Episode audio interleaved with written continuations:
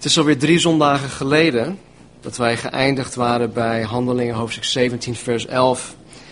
Waarin wij zagen dat de mensen in Berea edeler waren van gezindheid dan de mensen in Thessalonica. En wat er staat, zij ontvingen het woord met grote bereidwilligheid en onderzochten dagelijks de schriften om te zien of de dingen die Paulus hun over uh, Jezus vertelde klopten. Dus Paulus kwam daar, hij bracht het evangelie. En deze mensen uit Berea, die onderzochten dagelijks het Oud Testament om te kijken of het inderdaad klopte. Dan mocht je deze studie gemist hebben, dan is het alsnog te beluisteren op onze website. Nou, dit schriftgedeelte in Handelingen 17 geeft ons het voorbeeld van hoe wij als gemeente om willen gaan met het woord van God, de Bijbel. Om een duidelijk beeld te krijgen van wie wij als Calvary Chapel uh, willen zijn, is het voor een ieder belangrijk om te weten waar wij voor staan en waar wij veel waarde aan hechten. En zo zal ik regelmatig ook zeggen hè, dat het boek Handelingen ons het model geeft van gemeente zijn die wij als Calvary Chapel willen navolgen. Nou, het model is eenvoudig. Het model is haalbaar. Het is ook herhaalbaar. Wanneer het geleid wordt door de Heilige Geest. En het model bestaat uit vier kernactiviteiten. En het is ons verlangen als gemeente om in deze kernactiviteiten te groeien, om ons daarin te bekwamen, om de Heer daarin te gehoorzamen. En de vier kernactiviteiten waarvoor wij staan zijn te vinden in Handelingen 2, vers 42. Waarin staat, en zij, dat is dus de eerste gemeente, volharden in de leer van de apostelen, in de gemeenschap, in het breken van het brood en in de gebeden. Die vier dingen, de leer van de apostelen, de gemeenschap. En de gemeenschap, daar gaan wij ook leren, uh, in leren te volharden, want we gaan beginnen met onze home fellowships, en waar gemeenschap ook echt een, een, een belangrijk onderdeel van is in het breken van brood. Nou, dat hebben we vorige week goed gedaan met elkaar, hebben samen gegeten. Maar ook dat in de context van home fellowships is erg belangrijk. Ik zal je, ik zal ook echt aanmoedigen, nodig elkaar uit om met, om met elkaar te eten.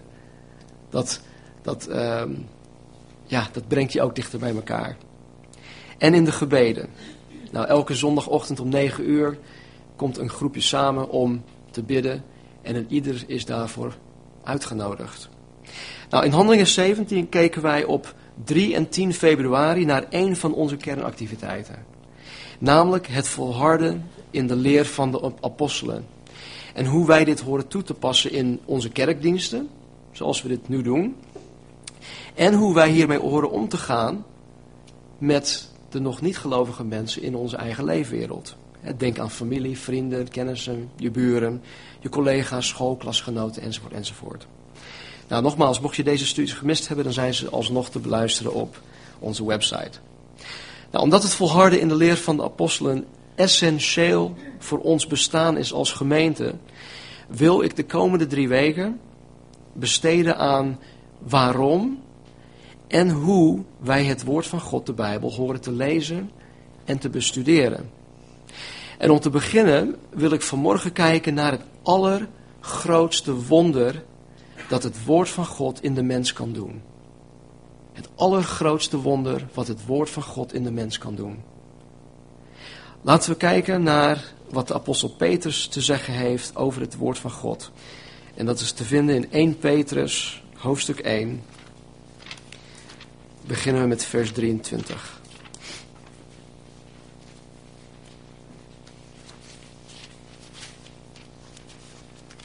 1 Petrus hoofdstuk 1 vers 23 tot en met 25.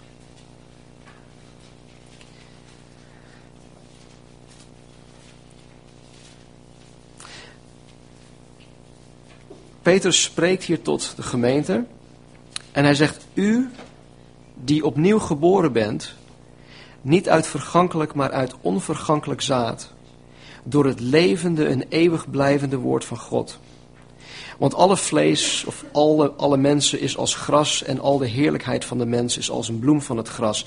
Het gras is verdord en zijn bloem is afgevallen, maar het woord van de Heer blijft tot in eeuwigheid. En dit is het woord dat onder u verkondigd is. Vader, ik dank u wel, Heer, voor uw woord. Ik dank u dat u het allergrootste wonder in mij, in ons, heeft bewerkstelligd. Door uw woord, door uw geest. Heer, geef ons vanmorgen oren om te horen wat de geest tot ons te zeggen heeft. Open onze ogen, open onze harten. Voor uw woord. In Jezus' naam. Amen. In vers 23 zegt hij: U die opnieuw geboren bent, niet uit vergankelijk, maar uit onvergankelijk zaad, door het levende en eeuwig blijvende woord van God. Nou, Petrus spreekt hier tot mensen die opnieuw, ofwel wederom geboren zijn. we kennen misschien allemaal wel de, de, de, de, de naam wedergeboren christen. En het is wel, ja, ik vind het apart dat mensen zich moeten onderscheiden als wederomgeboren christen van andere christenen. Want de Bijbel leert ons eigenlijk dat er maar één soort christen is. Want christen betekent als Christus. Dus om te zeggen dat, wat, wat, wat voor christen ben je? Ben je dit, ben je dat of dat? Nee, ik ben wedergeboren christen. Nou, dat zegt al iets over de mentaliteit van hoe de mens naar het christendom kijkt. Maar Peter spreekt hier dus tot mensen die opnieuw ofwel wederom geboren zijn. Nou, een wedergeboren christen is iemand die de waarheid over Jezus Christus heeft gehoord, die deze waarheid gelooft en die deze waarheid toe-eigent en gehoorzaamt. Een wedergeboren christen komt geestelijk tot leven. En wat betekent, wat, wat betekent dat hij een persoonlijke relatie aangaat met de God van de Bijbel. Een wedergeboren christen is iemand die een nieuw leven krijgt van God. Een geheel nieuw leven. En de Bijbel zegt dat die, dat die persoon een nieuwe schepping is geworden. Een wedergeboren christen is 100%, 100% vergeven van alle zonden die hij ooit heeft gedaan of ooit nog zal begaan in dit leven. Een wedergeboren christen heeft toegang tot Gods troon 24 uur per dag, 7 dagen per week. Een wedergeboren christen is vervuld met de Heilige Geest die hem in staat stelt het onmogelijke te doen. Een wedergeboren christen heeft de garantie dat wanneer hij sterft, voor eeuwig in heerlijkheid bij God zal zijn. En dat deed me afgelopen week waren we met enige regelmaat met z'n allen bij elkaar als familie. De familie Marinissen. We bestaan inmiddels uit 30 plus mensen of zo. Het gros van ons, het merendeel, zijn wedergeboren. Er zijn een aantal die nog niet wedergeboren zijn. En als ik kijk naar de familie en hoe, hoe, hoe fantastisch het allemaal is verlopen, de saamhorigheid, de liefde onder elkaar, dan moest ik denken van, oh man, hoe geweldig het zou zijn als wij in eeuwigheid met z'n allen kunnen vieren. Samen. want toen we samen waren, nou, er, was, er was wel eens een keer dat bijvoorbeeld Stan en Caroline er niet bij waren. Nou, afgelopen vrijdag was dan de laatste keer dat de hele bubs bij elkaar was. Ik was er niet bij omdat ik ziek in bed lag. Als er maar één ontbreekt, dan is het niet compleet. En dan is het al zo, ja, dan heb je iets van, wauw, man, verdorie, waarom is hij er niet bij? Of waarom is zij er niet bij? En als ik denk aan degenen die nog niet in Jezus Christus geloven, die nog niet wedergeboren zijn, dan breekt mijn hart. Want ja, je wil zo graag dat ze erbij zijn. En, um, en dat geldt ook voor ons. Ik ken de meeste van jullie wel. Maar ik weet ook niet of iedereen wedergeboren is. En het zou zo fijn zijn als we dit allemaal samen mee mogen maken. Dus ben je vanmorgen een wedergeboren christen, dan spreekt Petrus tot jou, tot ons, tot u. Ben je nog niet wederom geboren, dan is vandaag misschien jouw dag om opnieuw geboren te worden. Petrus zegt hier dat wij wedergeboren zijn, niet uit vergankelijk, maar uit onvergankelijk zaad. Nou, iets dat vergankelijk is, is niet duurzaam. Het is iets dat beperkt is. Het is veranderlijk. Het is sterfelijk. Denk aan de verkiezingscampagnes. alle mooie beloften die door de genomineerde regeringsleiders uitgesproken worden. Deze dingen houden niet voor eeuwig stand. De woorden van mensen zijn vergankelijk, ze zijn veranderlijk, de woorden zijn beperkt. Ook zaad die in de grond gestopt wordt, is vergankelijk. Bij ontkieming sterft het zaadje. Dus wij, die wedergeboren zijn, zijn niet tot wedergeboorte gekomen uit iets dat niet duurzaam, iets dat beperkt is, veranderlijk of sterfelijk is. Nee, wij zijn opnieuw geboren uit onvergankelijk zaad. En iets dat onvergankelijk is, blijft voor eeuwig. Het is onbeperkt. Het is onveranderlijk. Het is onsterfelijk.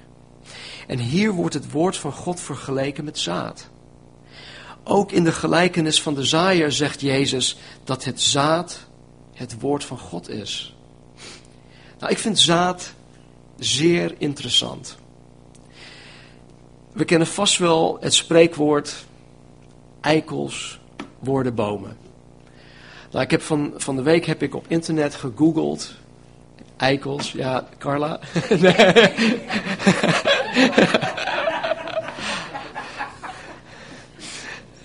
ik heb gekeken naar plaatjes van, van, van eikeltjes.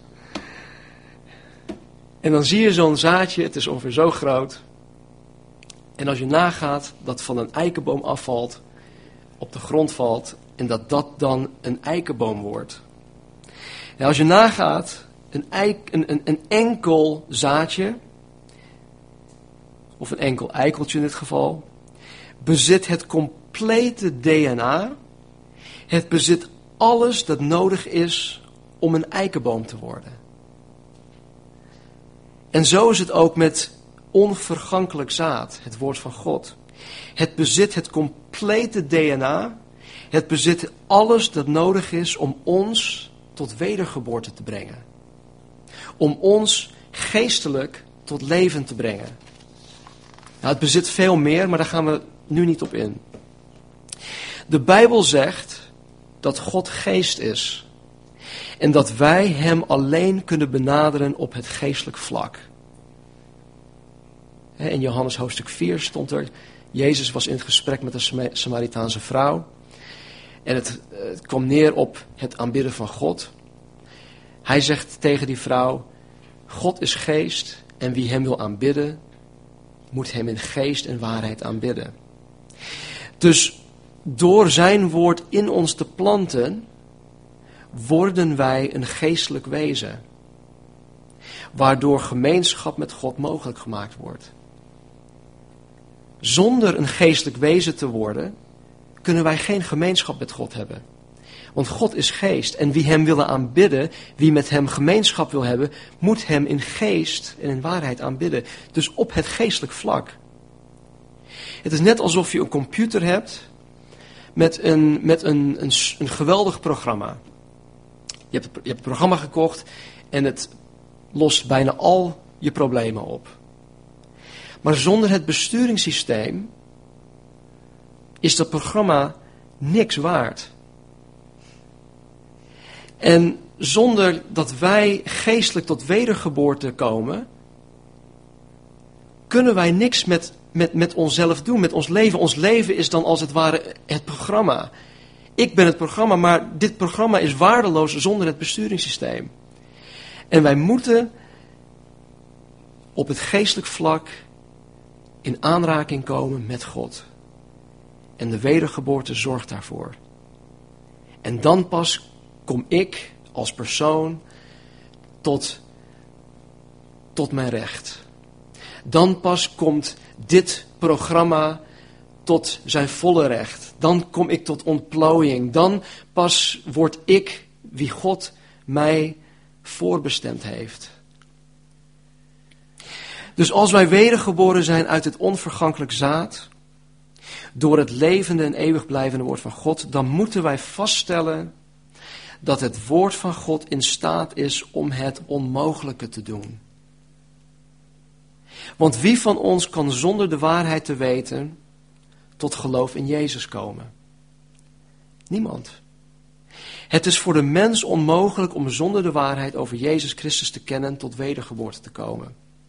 Er zijn uitzonderingen. Ik hoor zelfs van uitzonderingen dat, dat moslims in moslimlanden, waar het evangelie niet gepredikt mag worden, dat deze mensen die op, oprecht op zoek zijn naar God, dat ze door visioenen en door dromen tot geloof komen in Jezus. Want Jezus komt tot hen door visioenen en dromen. En zij komen dan tot geloof in Jezus Christus. Maar ze komen wel door die visioenen en dromen tot de kennis. Hij spreekt de waarheid tot hun in die dromen. Dus ook zonder die dromen zullen, zouden zij niet tot wedergeboorte kunnen komen. Nou, Jezus zei in Marcus 10, vers 25 tot 27. Het is voor een kameel gemakkelijker door het oog van een naald te kruipen dan voor een rijke het koninkrijk van God binnen te komen. Geheel verslagen zeiden ze daarop tegen elkaar: Wie kan dan nog gered worden? Jezus keek hen aan en zei: Bij mensen is het onmogelijk, maar niet bij God, want bij God is alles mogelijk. Nou, hier spreekt Jezus specifiek over de rijke mensen. Maar het is over het algemeen, menselijk gezien, onmogelijk om zonder Gods bemoeienis tot wedergeboorte te komen. Denk aan alle mensen die je kent die nog niet wedergeboren zijn. Dat je met sommige van deze mensen niet eens over Jezus kan praten. Of als ze er wel voor openstaan, denk aan hoe moeizaam de gesprekken soms kunnen verlopen. Het feit dat ik hier sta als wedergeboren christen is het grootste wonder die mij ooit is overkomen. Het allergrootste wonder. We hebben het vaak over wonderen en tekenen. En Jezus zei ook dat wij wonderen en tekenen zullen verrichten. Mensen, deze dingen zijn geweldig, maar dat is niet primair. Het grootste wonder dat Jezus Christus wil bereiken in een mensenleven is het wonder van de wedergeboorte. De rest is, ik wil niet zeggen dat het bijzaak is, maar het is een soort toegevoegde waarde van het wedergeboren zijn.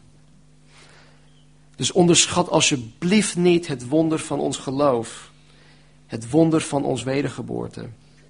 Wij zijn opnieuw geboren door het levende en eeuwig blijvende woord van God vers 24 in 1 Petrus. Want de mens is als gras en al, de, en al de heerlijkheid van de mens is als een bloem van het gras. Het gras is verdord en zijn bloem is afgevallen.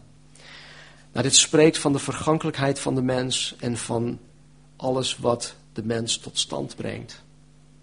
Alles is vergankelijk. Maar het woord van de Heere blijft tot een eeuwigheid. En dit is het woord dat onder u verkondigd is. Dat Petrus zegt, het woord van de Heer blijft tot een eeuwigheid. En dit is het woord dat onder u verkondigd is. Het woord dat onder hen verkondigd is, is het evangelie van Jezus Christus. Het goede nieuws, de blijde boodschap. Dus om nog specifieker te zijn, zijn wij opnieuw geboren uit het evangelie van Jezus Christus. Nou, ik wil nu even naar het Johannes, uh, Johannes evangelie gaan om dit nog duidelijker te maken. Um, ga met mij mee naar Johannes hoofdstuk 3. En dan pakken we het op bij vers 1.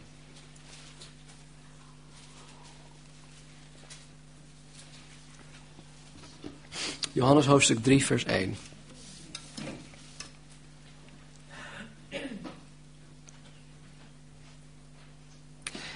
Er was iemand uit de Fariseeën, Zijn naam is Nicodemus, een leider van de Joden. Deze kwam s'nachts naar Jezus en zei tegen hem: Rabbi, of leraar, wij weten dat u van God gekomen bent als leraar, want niemand kan deze tekenen doen die u doet, als God niet met hem is. Jezus antwoordde en zei tegen hem: Voorwaar, voorwaar, ik zeg u, als iemand niet opnieuw geboren wordt, kan hij het koninkrijk van God niet zien.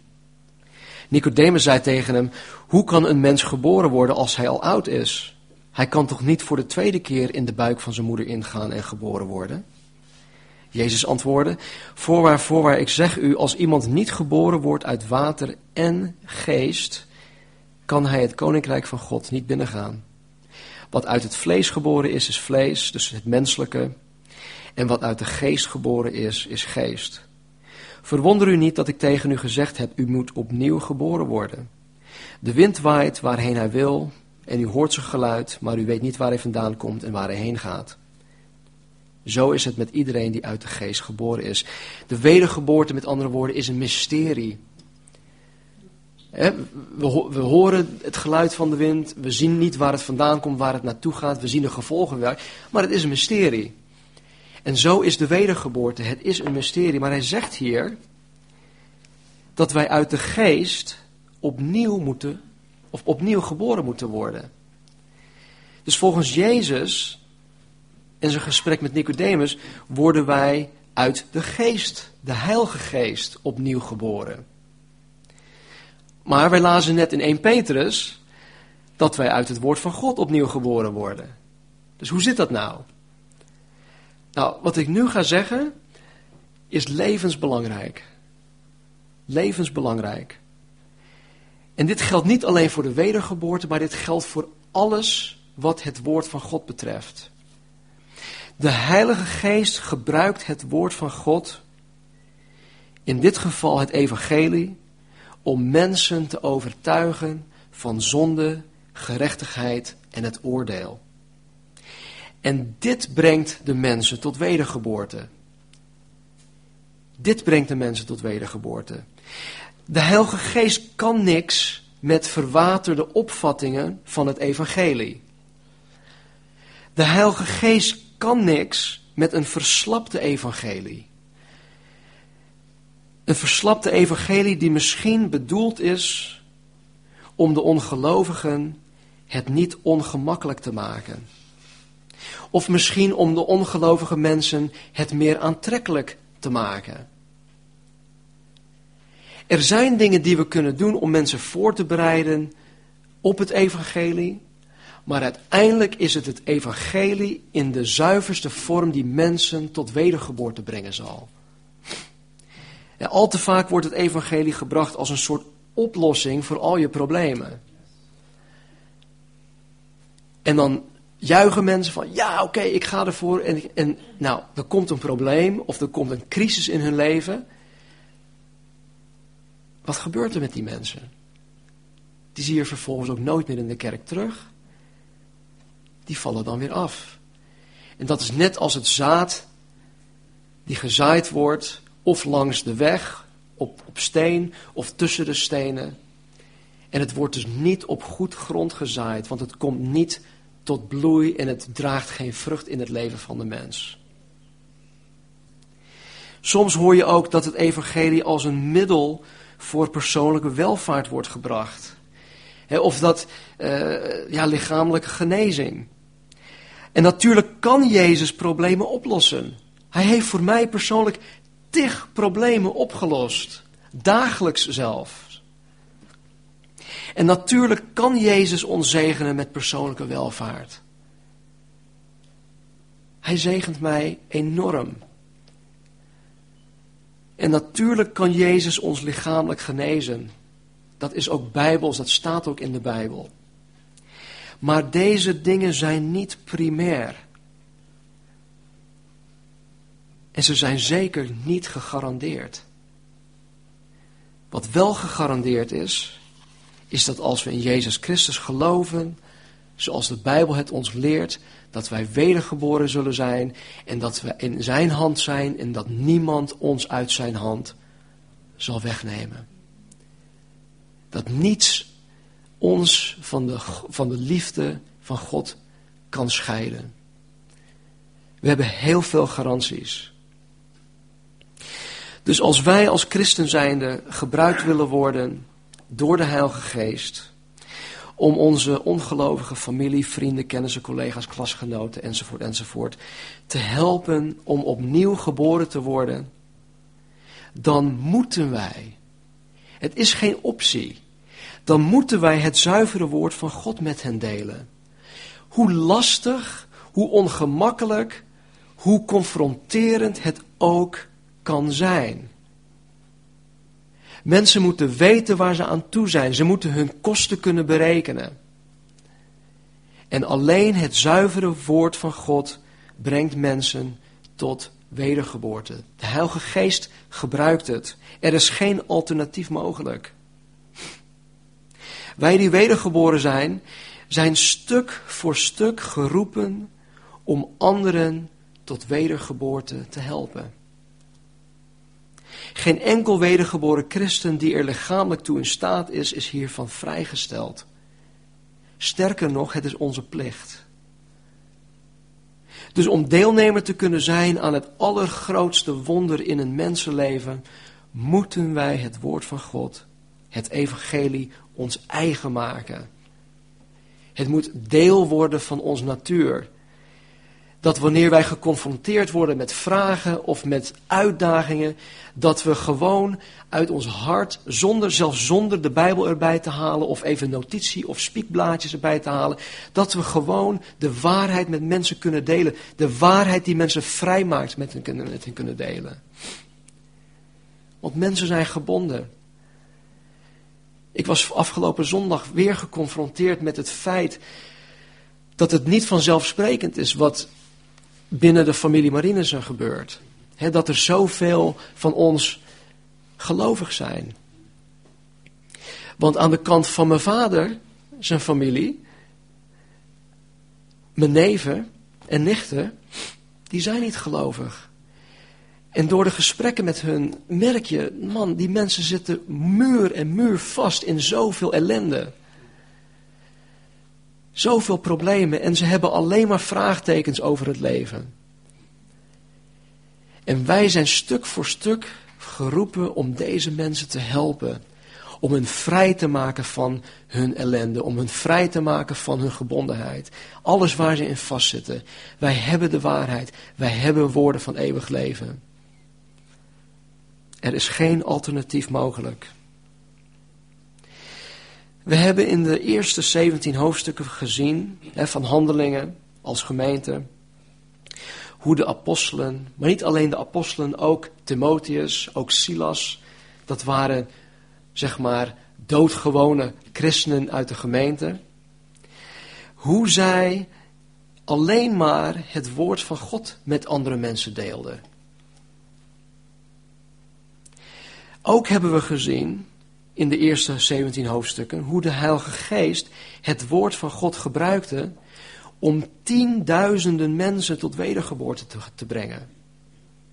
Volgens historische boeken uh, staat er dat zelfs honderdduizenden mensen in Jeruzalem in de eerste vijf jaar tot wedergeboorte zijn gekomen. De Haarlemmermeer bestaat uit ongeveer 130.000 mensen. Er is werk aan de winkel. Zeg ik dat goed? Ja?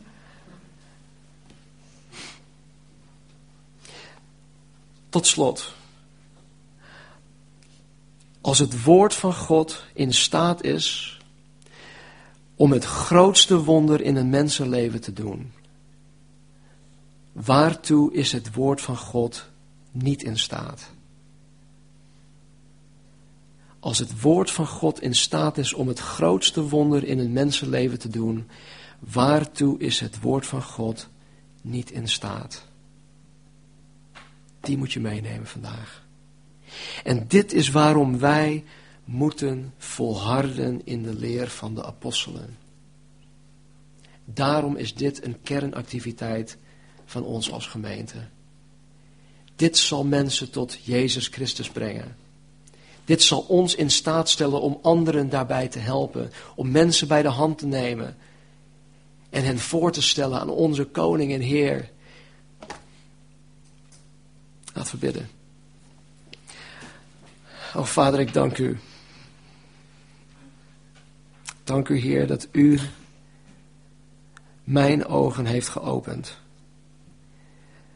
Dank u Heer dat u mijn oren, mijn hart heeft geopend voor het evangelie. Dank u Heer dat u mensen op mijn pad heeft gebracht, Heer, die mij de waarheid durfden te vertellen.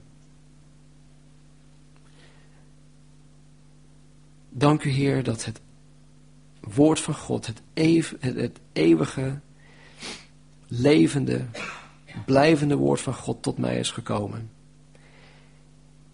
Heer, waardoor ik tot wedergeboorte ben gekomen. Dank u voor het werk van uw Heilige Geest in mijn leven. En Heer, dank u voor een ieder die vanmorgen wedergeboren is.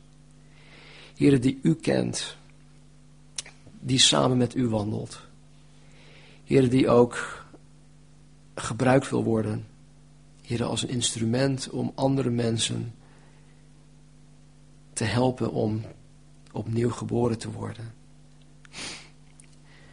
Dank u Heer voor het allergrootste wonder die u, u in mijn leven, in ons leven heeft bewerkstelligd.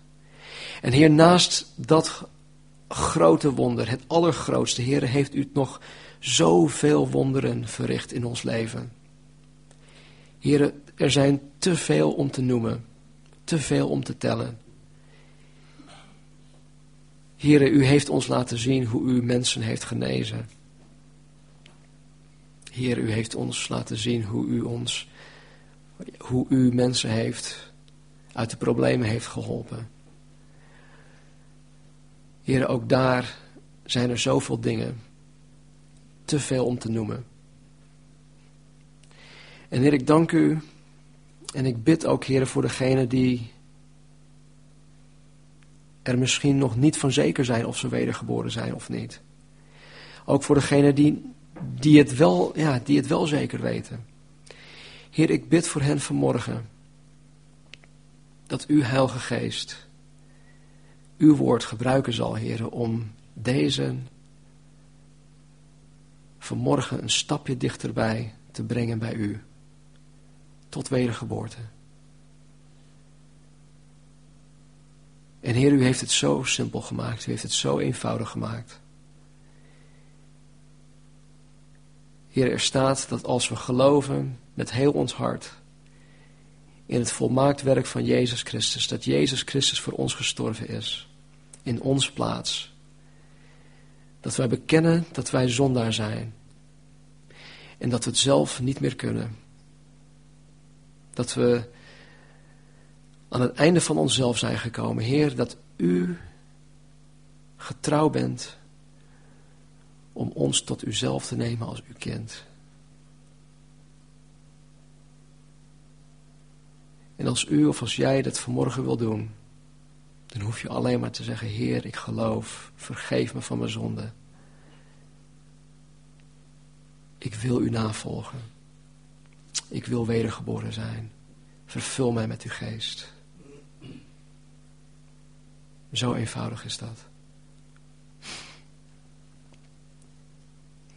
Heer, ik bid voor een ieder van ons, Heer, die wedergeboren is. Die het woord van God, die het evangelie nog niet eigen is. Help een ieder van ons daarbij, Heer. Geef ons de, de honger, Heer, om uw woord eigen te maken. Geef ons de urgentie om uw woord eigen te maken. Geef ons de discipline, Heer, om uw woord eigen te maken. Geef ons ook de vrijmoedigheid, Heer, om gesprekken aan te gaan, Heer, met mensen.